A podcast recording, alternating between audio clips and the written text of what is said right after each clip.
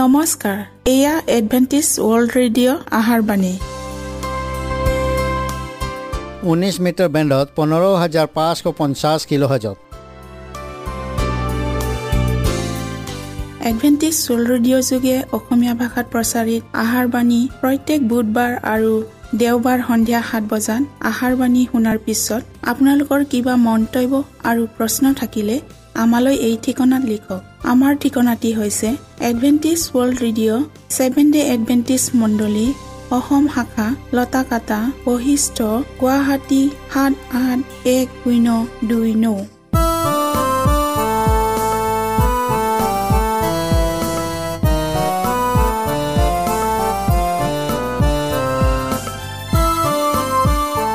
প্ৰিয় শ্ৰোতা বন্ধুসকল এতিয়া শুনো আহক এটি খ্ৰীষ্টীয় ধৰ্মীয় গীত।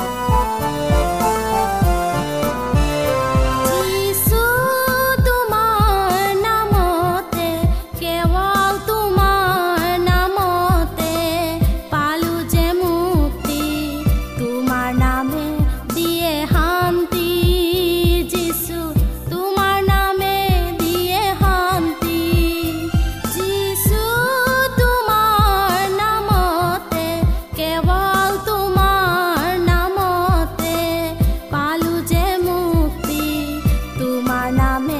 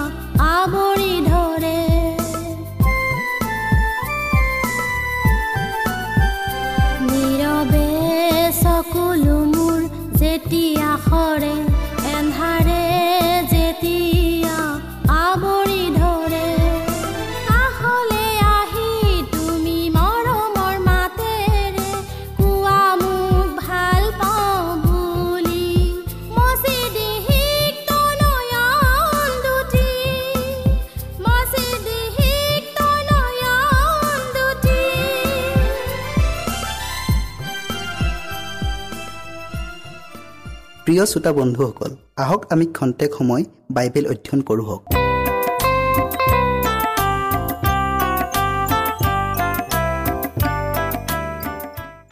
আজিৰ বিষয়টি হ'ল আৰ মেগদনৰ যুদ্ধ। প্ৰকাশিত বাক্য সোতৰ অধ্যায়ৰ তেৰ আৰু চৈধ্য পদ। তেওঁবিলাকে এক পৰামৰ্শ হৈ নিজৰ শক্তি আৰু ক্ষমতা সেই পশুত দিয়ে। তেওঁবিলাকে মেৰ পোৱালিৰে সৈতে যুদ্ধ কৰিব। কিন্তু মেৰ পোৱালীয়ে তেওঁবিলাকক জয় কৰিব। কিয়নো তেওঁ প্ৰভুৰো প্ৰভু ৰজাৰো ৰজা আৰু তেওঁৰ লগত থকাবিলাকো আমন্ত্ৰিত মনোনীত আৰু বিশ্বাসী। আমি প্ৰাৰ্থনা কৰোঁ হওক। সেই প্ৰেমময় আৰু আশীৰ্বাদদাতা পিতা তোমাৰ চৰণত আকৌ পৰিছোঁ। প্ৰভু এই সুন্দৰ সময় দিয়াৰ বাবে তোমাক ধন্যবাদ দিছোঁ। প্ৰভু আমি আজি বিশেষ বিষয়ত অধ্যয়ন কৰিবলৈ আগবঢ়াইছোঁ। সেই বিষয়টিলৈ জানিবলৈ আমাক জ্ঞান আৰু বুদ্ধি দিয়া। প্ৰত্যেক শ্ৰোতাৰ লগত তুমি পবিত্ৰ আত্মাৰ যোগেদি থাকা যীশুৰ নামত খুজিলোঁ। আমেন। পৃথিৱীৰ ওপৰত পৰিবলগীয়া সেই সাতটা উৎপাদৰ বিষয়ে অধ্যয়ন কৰাটো আমাৰ বাবে প্ৰয়োজনীয়। এখন যুদ্ধৰ অবিহনে অধাৰ্মিকতাৰ শক্তি নাশ কৰিব পৰা নাযাব। কিন্তু সেই আৰমাগেদন যুদ্ধটো ৰক্ষাৰ এক উপায় ৰখা হৈছে। প্ৰকাশিত বাক্যৰ ওঠৰ অধ্যায়ত উল্লেখ কৰা দৰে মহাপ্ৰতাপেৰে যেতিয়া স্বৰ্গদূত নামি আহিব। আৰু পৃথিৱীখন সেই প্ৰতাপেৰে উজ্জ্বলিত হ'ব। তেতিয়া ধৰ্মীয় উপাদানবোৰ ধাৰ্মিক আৰু অধাৰ্মিক উভয়ে টোপনিৰ পৰা হাৰ পাব। আৰু জীৱনময় ঈশ্বৰৰ সৈন্য সামন্তসকলে যুদ্ধক্ষেত্ৰখন আগুৰি ল'ব। ঈশ্বৰৰ দা দাসীসকলৰ কপালত ঈশ্বৰৰ চাপ মৰা কাৰ্য শেষ নোহোৱা পৰ্যন্ত চাৰিজন পৰাক্ৰমী স্বৰ্গদূতে এই পৃথিৱীৰ শক্তিক ধৰি ৰাখিব। পৃথিৱীৰ দেশসমূহে যুদ্ধৰ বাবে বলীয়া হৈ আছে। কিন্তু স্বৰ্গদূতগণে পৰ্যবেক্ষণ কৰিবলৈ সিহঁতক সম্প্ৰতি ধৰি ৰখা হৈছে। যেতিয়া সিহঁতক ধৰি ৰখা শক্তিক আঁতৰোৱা হ'ব তেতিয়া আৰু ক্ৰদন আৰু বিলাপ কৰাৰ সময় উপস্থিত হ'ব। যুদ্ধৰ বাবে মাৰাত্মক অস্ত্ৰ শস্ত্ৰ আৱিষ্কাৰ কৰা হ'ব। যুদ্ধৰ জাহাজবোৰ এনেধৰণৰ অস্ত্ৰবোৰেৰে ভৰাই ৰখা হ'ব যিবিলাকৰ গাত সত্যতাৰ আত্মা নাথাকিব। সিহঁত ছয়তানৰ দ্বাৰা পৰিচালিত হোৱা দলত যোগদান কৰিব।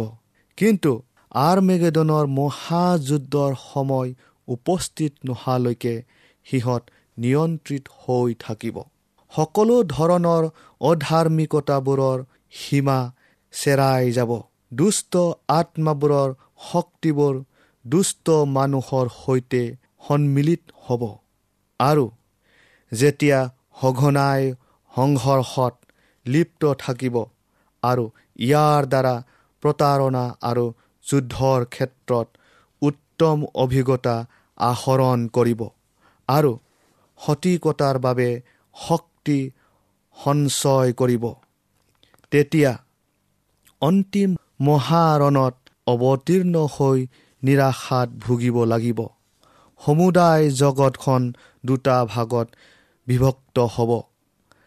আৰ্মেগেদন যুদ্ধ সংঘটিত হ'ব আৰু সেইদিনা যেন আমাৰ কোনোৱেও টোপনিত নেথাকে।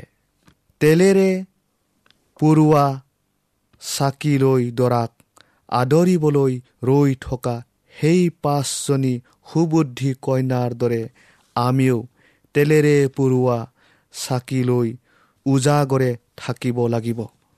পবিত্ৰ আত্মাৰ শক্তি আমাৰ ওপৰত নিশ্চয়কৈ থাকিব। জিহুৱাৰ সৈন্যসকলৰ সেনাপতিজন যুদ্ধ পৰিচালনা কৰিবলৈ স্বৰ্গৰ দূতসকলৰ মুৰব্বী হৈ থাকিব। আমাৰ চকুৰ আগতে পবিত্ৰ ঘটনাবোৰ সংঘটিত হ'বলৈ ৰৈ আছে। যুদ্ধৰ শিঙা এটাৰ পাছত এটাকৈ বাজি উঠিব। পৃথিৱী নিবাসীসকলৰ ওপৰত এটাৰ পাছত এটাকৈ উৎপাতবোৰ পৰিব। আমাৰ সন্মুখতে আচৰিত আচৰিত দৃশ্যবোৰ প্ৰকাশ পাবলৈ ৰৈ আছে। প্ৰথম টিচলনিকীয়া পাঁচ অধ্যায়ৰ চাৰি পদটো আমি আকৌ পঢ়ো হওক। কিন্তু সেই ভাইবিলাক চোৰৰ নিচিনাকৈ সেইদিন তোমালোকৰ ওচৰত উপস্থিত হ'বলৈ তোমালোকে আন্ধাৰত থকা নাই। পৰিত্ৰাণেই পাবনে ধ্বংসই হ'ব। এই সংক্ৰান্তত প্ৰতিটো বিষয় মীমাংসা নকৰাকৈ যীশুখ্ৰীষ্ট যে অতি পবিত্ৰ স্থানৰ পৰা ওলাই নাহে। আৰু যীশুৱে অতি পবিত্ৰ স্থানৰ নিজৰ কাম সম্পূৰ্ণ নকৰা পৰ্যন্ত আৰু তেওঁৰ পুৰুষিতৰ বস্ত্ৰ সুলকাই নিজকে অধাৰ্মিকবিলাকৰ কৰ্ম অনুসৰি প্ৰতিফল দিবলৈ বস্ত্ৰ নিপিন্ধালৈকে ঈশ্বৰৰ ক্ৰোধো মানুহৰ ওপৰত নপৰিব। তাৰ পাছত যীশু পিতৃ ঈশ্বৰ আৰু মানুহৰ মাজত মধ্যস্থকাৰী হিচাপে আৰু নাথাকিব। তেওঁ তাৰ পৰা আঁতৰি আহিব আৰু তেতিয়া ঈশ্বৰে নীৰৱ দৰ্শক হৈ নাথাকিব। কিন্তু যিসকলে তেওঁৰ সত্যতাক অগ্ৰাহ্য কৰিলে সিহঁতৰ ওপৰত তেওঁৰ ক্ৰোধ বাকী দিব। দেশসমূহৰ খং ঈশ্বৰৰ ক্ৰোধ আৰু মৃত্যুবিলাকক বিচাৰ কৰা সময় এইবোৰক পৃথক পৃথক কৰি এটাৰ পাছত এটাকৈ সুস্পষ্টকৈ সজোৱা হৈছিল। আৰু মিখায়েলো থিয় হোৱা নাছিল আৰু যেনে ধৰণৰ মহাক্লে তেনেধৰণৰ মহাক্লে এতিয়াও হ'বলৈ বাকী আছে। দেশসমূহে এতিয়া খঙত অগ্নি শৰ্মা হৈ আছে। কিন্তু যেতিয়া আমাৰ মহাপুৰোহিতজনাই ধৰ্মধামত নিজৰ কাৰ্য সম্পূৰ্ণ কৰিব তেওঁ থিয় হৈ উঠিব প্ৰতিশোধৰ সাজ পিন্ধিব আৰু তাৰ পাছত সাতটা অন্তিম উৎপাত বাকী দিব। ধৰ্মধামত যীশুৱে নিজৰ কাৰ্য সম্পূৰ্ণ নকৰা পৰ্যন্ত চাৰিজন স্বৰ্গদূতে চাৰি বায়ুক ধৰি ৰাখিছিল। আৰু তাৰ পাছত সাতটা অন্তিম উৎপাত আহিব। এই উৎপাদৰ বাবে দুষ্টবোৰে ধাৰ্মিকবিলাকৰ ওপৰত খং কৰিব। সিহঁতে ভাবিব যে এই ধাৰ্মিকবিলাকৰ বাবে ঈশ্বৰৰ পৰা এনে উৎপাত সিহঁতৰ ওপৰত পৰিছে। আৰু যদি তেওঁবিলাকক পৃথিৱীৰ পৰা নাইকিয়া কৰিব পৰা যায় তেন্তে এনে উৎপাত বন্ধ কৰিব পৰা যাব। তেওঁবিলাকক বধ কৰিবলৈ এটা অধ্যাদেশ জাৰি কৰা হ'ব যাৰ বাবে তেওঁবিলাকে ইয়াৰ পৰা উদ্ধাৰ পাবলৈ দিনে ৰাতিয়ে কান্দিবলগীয়া হ'ব। এয়া জাকবৰ সেই ক্লেশৰ নিচিনা হ'ব। তেতিয়া ধাৰ্মিকসকলে অসহনীয় দুখ আৰু বিলাপেৰে কান্দিব আৰু ঈশ্বৰৰ মাতেৰে তেওঁবিলাকক উদ্ধাৰ কৰা হ'ব। নিজৰ ক্ৰুচীয় মৃত্যুৰ আগতে ত্ৰাণকৰ্তাজনাই নিজৰ শিষ্যসকলক ব্যাখ্যা কৰি কৈছিল যে তেওঁক ক্ৰুচ দি হত্যা কৰা হ'ব আৰু কবৰৰ পৰা তেওঁ পুনৰুত্থিত হ'ব। কিন্তু শিষ্যসকলে ৰোমিঅ' শাসনৰ বন্ধনৰ পৰা সাময়িক উদ্ধাৰ পোৱাৰ বাবেহে আশা পালি আছিল। আৰু যিজনৰ ওপৰত তেওঁবিলাকৰ সকলো আশা আকাংক্ষা কেন্দ্ৰীভূত হৈ আছে যে সেইজনৰ ঘৃণনীয় মৃত্যুৰ কথাক সিহঁতে সপোনতে ভাবিব নোৱাৰে। কৃষ্টৰ বাক্যৰ দ্বাৰা শিষ্যবিলাকক সন্মুখত ভৱিষ্যতৰ বিষয়বোৰ মুকলি হৈ থকাৰ দৰে আমাৰ সন্মুখতো ভৱিষ্যতৰ বিষয়বোৰক ভাৱবাণীয়ে মুকলিকৈ দাঙি ধৰিছে। অনুগ্ৰহৰ অন্ত পৰা সময়ৰ লগত জড়িত থকা ঘটনাবোৰ আৰু সেই মহাক্লেশৰ সময়ৰ বাবে নিজকে সাজু কৰাৰ কাৰ্যৰ বিষয়ে অতি স্পষ্টকৈ উপস্থাপন কৰা হৈছে। কিন্তু এইবোৰ বিষয়ৰ বিষয়ে যেন কোনো কালেও প্ৰকাশ কৰা হোৱা নাই তেনে অৰ্থত বহুতো লোকে এই সত্যতাবোৰৰ বিষয়ে এতিয়াও একো বুজা নাই। প্ৰিয় শ্ৰোতা বন্ধুসকল আহোঁহক এই বিষয়ৰ বাবে অধিক জানিবলৈ প্ৰতিদিন বাইবেল অধ্যয়ন কৰোঁ আৰু নিজকে ভৱিষ্যতৰ বাবে সাজু কৰি ৰাখোঁ হওক। কৃষ্টই আপোনালোকৰ লগত থাকক।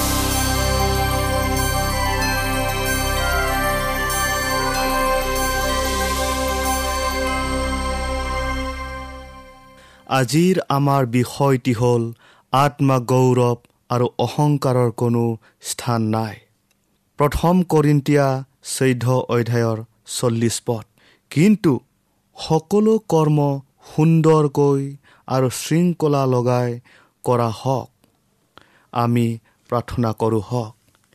হে প্ৰেমময় আৰু আশীৰ্বাদদাতা পিতা তোমাৰ চৰণত আকৌ আমি পৰিছোঁ।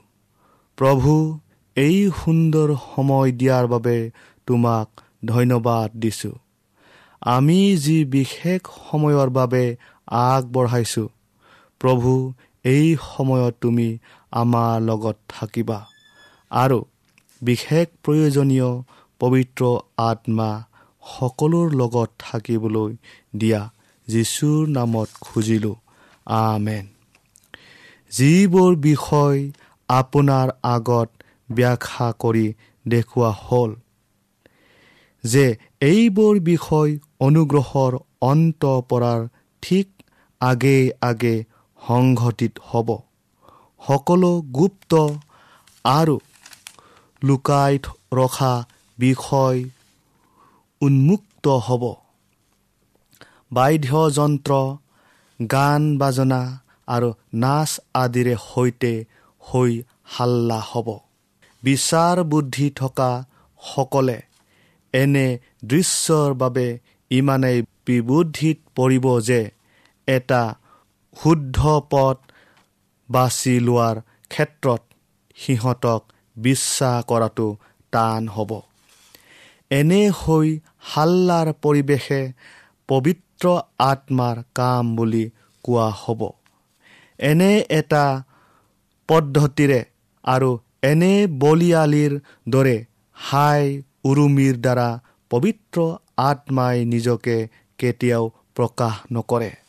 বৰ্তমানৰ সময়ৰ বাবে সূচী মৰ্যাদা সম্পন্ন উন্নত সৰল আৰু পবিত্ৰ কৰিব পৰা সত্যতা যাতে নিষ্ক্ৰিয় হয় তাৰ বাবে ছয়তানৰ অতি নিপুণ কৌশলক ঢাকি ৰখাৰ এইবোৰ হ'ল তাৰ নতুন আৱিষ্কাৰ। এনে বলিয়ালি যুক্ত চিঞৰ বাকৰে সেই অনুভূতি চেতনাবোৰক নিষ্ক্ৰিয় কৰি মূল লক্ষ্যৰ পৰা আঁতৰাই নিয়ে। যি অনুভূতি আৰু চেতনাবোৰক সঠিক পথত চলাই নিব পৰা হ'লে আশীৰ্বাদৰ পাত্ৰ হ'ব পাৰিলেহেঁতেন। ছয়তানৰ অনুচৰবিলাকৰ শক্তিয়ে আনন্দ উৎসৱ পালন কৰাত হাই উৰুমিৰ লগতে কাণ তাল মাৰা শব্দও মিহলি কৰে। আৰু এনে কাৰ্যক সিহঁতে পবিত্ৰ আত্মাৰ কাম বুলি ক'ব খোজে। এনে উপৰুৱা ধৰ্ম জাগৰণত অংশগ্ৰহণ কৰাসকলে এনে সংস্কৰণ লাভ কৰে যি সিহঁতক উপঙাই লৈ ফুৰে। আগতে জনা বাইবেলৰ মৌলিক তত্ত্ববোৰৰ বিষয়ে সিহঁতে ক'ব নোৱাৰা হৈ পৰে। এনেধৰণে কৰা উপাসনাৰ প্ৰতি কোনো ধৰণৰ উৎসাহ বা প্ৰশংসা দিয়া উচিত নহয়। এনেধৰণৰ একে ঘটনা ওঠৰশ চৌৰাল্লিছ চনৰ পাৰ হৈ যোৱাৰ পাছতো ঘটিছিল। এই একে ধৰণৰ দৃশ্য সেই সময়তো দেখা গৈছিল। মানুহবোৰ উত্তেজিত হৈ পৰিছিল আৰু এনে এটা শক্তিৰে কাম কৰিছিল যাক তেওঁবিলাকে ঈশ্বৰৰ শক্তি বুলি ভাবি লৈছিল। পুৰুষ আৰু নাৰীসকল পবিত্ৰ আত্মাৰ দ্বাৰা চালিত হোৱা বুলি ধৰি লোৱা হৈছিল। সিহঁতে উলংগ হৈ সভা সমিতি পাতিছিল। সিহঁতে পবিত্ৰ মাংসৰ বিষয়ে কোৱা কুই কৰিছিল। সিহঁতে কৈছিল যে সিহঁত প্ৰলোভনৰ শক্তিৰ ঊৰ্ধত অৰ্থাৎ প্ৰলোভনৰ শক্তিয়ে সিহঁতক ঢুকি নাপায়। আৰু সিহঁতে গীত গাইছিল আৰু চিঞৰ বাকৰ কৰিছিল আৰু সকলো প্ৰকাৰৰ হৈ হাল্লাৰ উশৃংখল আচৰণ দেখুৱাইছিল। ছয়তানে সকলো কাৰ্য তাৰ নিজৰ সাঁচত গঢ়িছিল আৰু কামুকতা তাৰ পৰিণতি আছিল। ইয়াৰে সিহঁতে ঈশ্বৰক অৱমাননা কৰিছিল। মানৱ প্ৰতিনিধিৰ দ্বাৰাই ধূলি মাকুটিৰে পৰম সত্যতা পবিত্ৰ সত্যতাক ঢাকি ৰাখিছিল। এইবোৰ ধৰ্মোন্মাত জাগৰণ এই কাণ তাল মাৰা শব্দ আৰু হৈ হাল্লাবোৰ ছয়তানৰ দ্বাৰা অনুপ্ৰাণিত কাৰ্যহে। যিজনে সম্ভৱ হ'লে মনোনীতজনকো ভোলাবলৈ আচৰিত কৰ্ম কৰি আছে।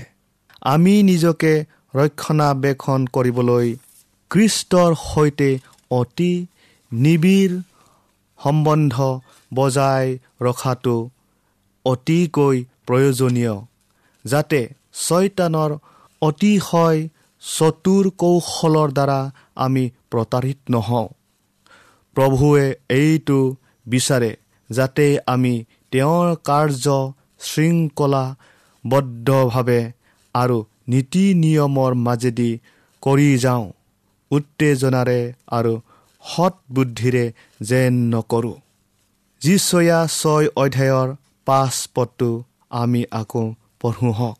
তাতে মই ক'লোঁ হাই হাই মই নষ্ট হ'লোঁ। কিয়নো মই অসুচী ওঠৰ মানুহ আৰু অসুচী উঠ থকা লোকৰ মাজত বাস কৰিছোঁ। কাৰণ মই নিজ চকুৰে বাহিনীবিলাকৰ ৰজা জিহুৱাক দেখিবলৈ পালোঁ। যিসকলে বাইবেলৰ সূচীকৰণৰ অভিজ্ঞতাক লাভ কৰিলে তেওঁবিলাকে এক নম্ৰতাপূৰ্ণ জীৱন দেখুৱাব। মচিৰ নিচিনাকৈ তেওঁবিলাকে পবিত্ৰতাৰ ভয়াৱহ মহত্বতাৰ দৃশ্যক দেখা পালে আৰু অনন্ত জনাৰ সিদ্ধতা আৰু পবিত্ৰতাৰ সম্পূৰ্ণ বিপৰীত তেওঁবিলাকে নিজৰ অযোগ্যতাক দেখা পালে। ভাৱবাদী দানিয়েল হৈছে প্ৰকৃত সূচীকৰণৰ এটা উপযুক্ত উদাহৰণ। তেওঁৰ গোটেই জীৱন চোৱা জীৱন চোৱা তেওঁৰ নিজৰ গৰাকীজনৰ প্ৰতি আগবঢ়োৱা। বিনম্ৰ সেৱাৰে পৰিপূৰ্ণ। তেওঁ এনে এজন ব্যক্তি আছিল যি স্বৰ্গৰ অতিকৈ প্ৰিয় আছিল। তৎসত্বেও তেওঁ নিজকে শুদ্ধ আৰু পবিত্ৰ বুলি দাবী কৰাৰ পৰিৱৰ্তে এই মৰ্যাদাপূৰ্ণ ভাৱবাদীগৰাকীয়ে নিজক ইজৰাইলৰ প্ৰকৃত পাপীজন বুলিহে পৰিচয় দিছে আৰু নিজৰ মানুহখিনিৰ হকে ঈশ্বৰৰ গুৰিত এইদৰে প্ৰাৰ্থনা কৰিছিল। আমাৰ ধাৰ্ম ধাৰ্মিকতাৰ কাৰণে নহয় কিন্তু তোমাৰ অধিক অনুগ্ৰহৰ কাৰণেহে আমি তোমাৰ আগত আমাৰ বিনয় বাক্য উপস্থিত কৰিছোঁ। সেই আমাৰ প্ৰভু ঈশ্বৰ আমি পাপ কৰিলোঁ আমি দুষ্কৰ্ম কৰিলোঁ আৰু তেওঁ এইদৰে ঘোষণা কৰিছিল মই কথা কৈ প্ৰাৰ্থনা কৰি নিজ পাপ আৰু স্বজাতীয় ইজৰাইল লোকৰ পাপ স্বীকাৰ কৰিছিলোঁ। প্ৰিয় শ্ৰোতাসকল ঘূৰ্ণী বতাহৰ মাজত যেতিয়া ইয়োবে ঈশ্বৰৰ মাত শুনিছিল তেওঁ এইদৰে চিঞৰি কৈছিল মই নিজকে ঘৃণাইছোঁ ধূলি আৰু ছাইত বহি খেদ কৰিছোঁ। যেতিয়া যিচয়াই ঈশ্বৰ যি সোৱাদ মহিমাৰ প্ৰতাপ দেখিছিল আৰু পবিত্ৰ বাহিনীবিলাকৰ জিহুৱা বুলি কোৱা চিৰাপবিলাকৰ মাত শুনিছিল তেতিয়া তেওঁ কান্দি উঠিছিল। হাই হাই মই নষ্ট হ'লোঁ। কিয়নো মই অসুচী ওঠৰ মানুহ। স্বৰ্গলৈ উঠাই নিয়াৰ পাছত যেতিয়া পৌলে কোনো মানুহে উচ্চাৰণ কৰিব নোৱাৰা মাত শুনিছিল তেতিয়া পৌলে এইদৰে কৈছিল মই সকলো সাধুতকৈ সৰু। সেইজন যীশুৰ অতি প্ৰিয় জোখন আছিল যি নিজৰ মূৰটোক তেওঁৰ বুকুত থৈ বহিছিল আৰু যেতিয়া তেওঁ তেওঁৰ মহিমা দেখিছিল তেতিয়া তেওঁ মৃত্যু মানুহৰ দৰে স্বৰ্গদূত এজনৰ ভৰিত উবৰি হৈ পৰি আছিল।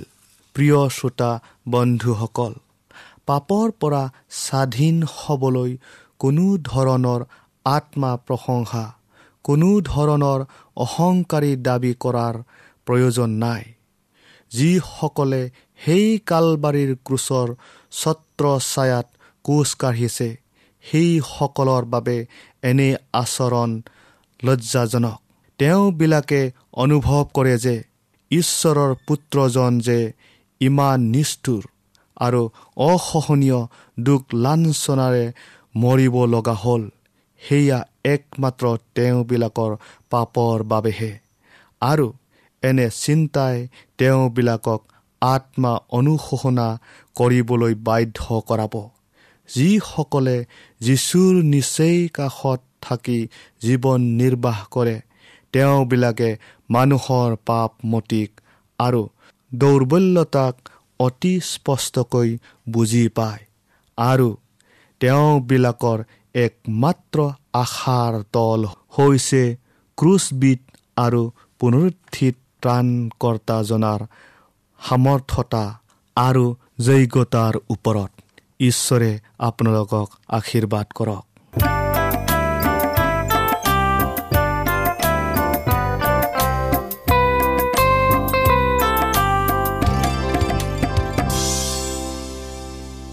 মনত ৰাখিব আমাৰ ঠিকনাটি পুনৰ কৈ দিছোঁ। Adventist world radio' Assam region of seven day Adventist voice of hope Latakata Basistha Guwahati seven eight one zero' two nine প্ৰিয় শ্ৰোতা বন্ধুসকল এডভেণ্টিজ ৱৰ্ল্ড ৰেডিঅ' যোগে আহাৰবাণী প্ৰচাৰত আপোনালোকক পুনৰ লগ পোৱাৰ আহাৰে আজিলৈ সামৰিলোঁ। ধন্যবাদ।